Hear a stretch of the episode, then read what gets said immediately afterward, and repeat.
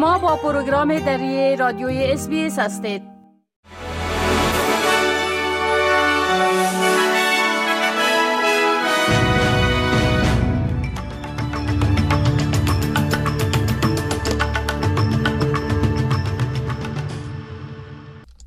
با عرض سلام ما صاحب شکیب شما را به شنیدن خلاصه از مهمترین اخبار امروز 14 ماه جولای سال 2023 دعوت می کنم. میشل بولاک با جای فلیپ لو مسئولیت مقام ریاست بانک مرکزی استرالیا را به عهده خواهد گرفت. خانم بولاک که در حال حاضر به حیث معاون رئیس بانک مرکزی فعالیت می کند اولین رئیس زن و در مجموع نهمین رئیس بانک مرکزی استرالیا خواهد شد. او در 18 سپتامبر سال جوری دوره ریاست خود را آغاز می کند و در نتیجه دوره هفت ساله فلیپلو در این نقش پایان می یابد.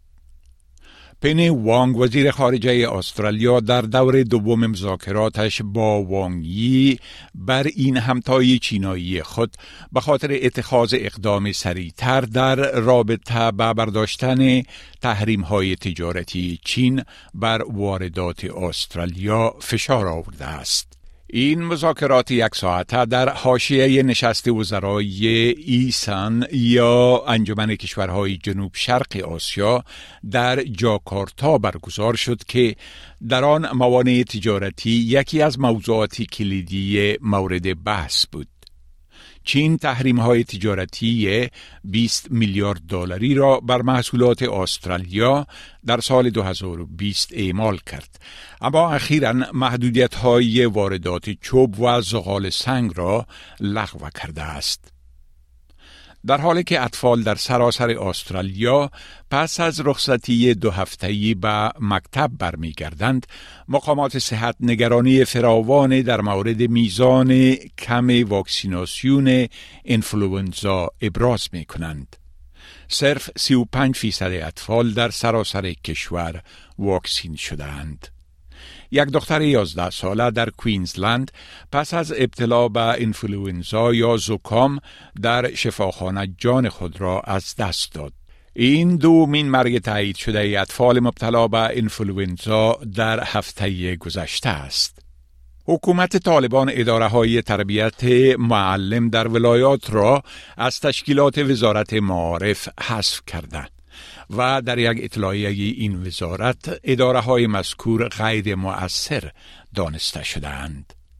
در این اداره ها در ولایات مختلف افغانستان استادان و محصلین علاقمند شغل معلمی روش های تدریس و آموزگاری را تعلیم می دادند. انتظار می رود که با بسته شدن این ادارات هزاران معلم کارهایشان را از دست بدهند. احمد وحیدی وزیر داخله ایران گفته است که حضور مهاجرین افغان چالش امنیتی را برای ایران به بار نمی آورد. به نظر می رسد که آقای وحیدی این اظهارات را در عکس العمل به گزارش ها و اظهارات مبنی بر این که حضور افغانها چالش های امنیتی برای ایران می باشد به عمل آورده است. او گفت طبق برآوردها در ایران بیش از 50 میلیون افغان به سر می‌برند ولی اظهار داشت که دستگاه های اطلاعاتی ایران گزارش در مورد چالش های امنیتی مرتبط به حضور افغان ها را ارائه نکردند. طبق یک گزارش بی بی سی دو برادر در بریتانیا اعتراف کردند که قصد داشتند برای پیوستن به گروه داعش به افغانستان بروند.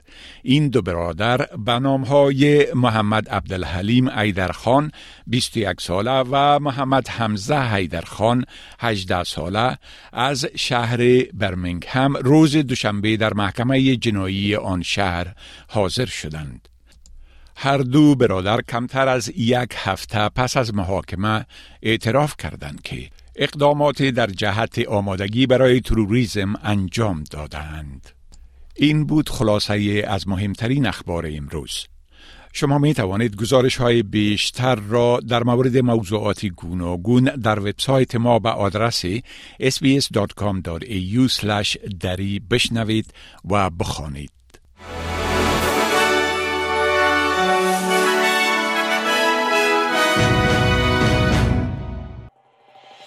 می خواهید این گونه گزارش ها را بیشتر بشنوید؟ با این گزارشات از طریق Apple Podcast، Google Podcast، Spotify و یا هر جایی که پادکاستتان را می گیرید گوش دهید.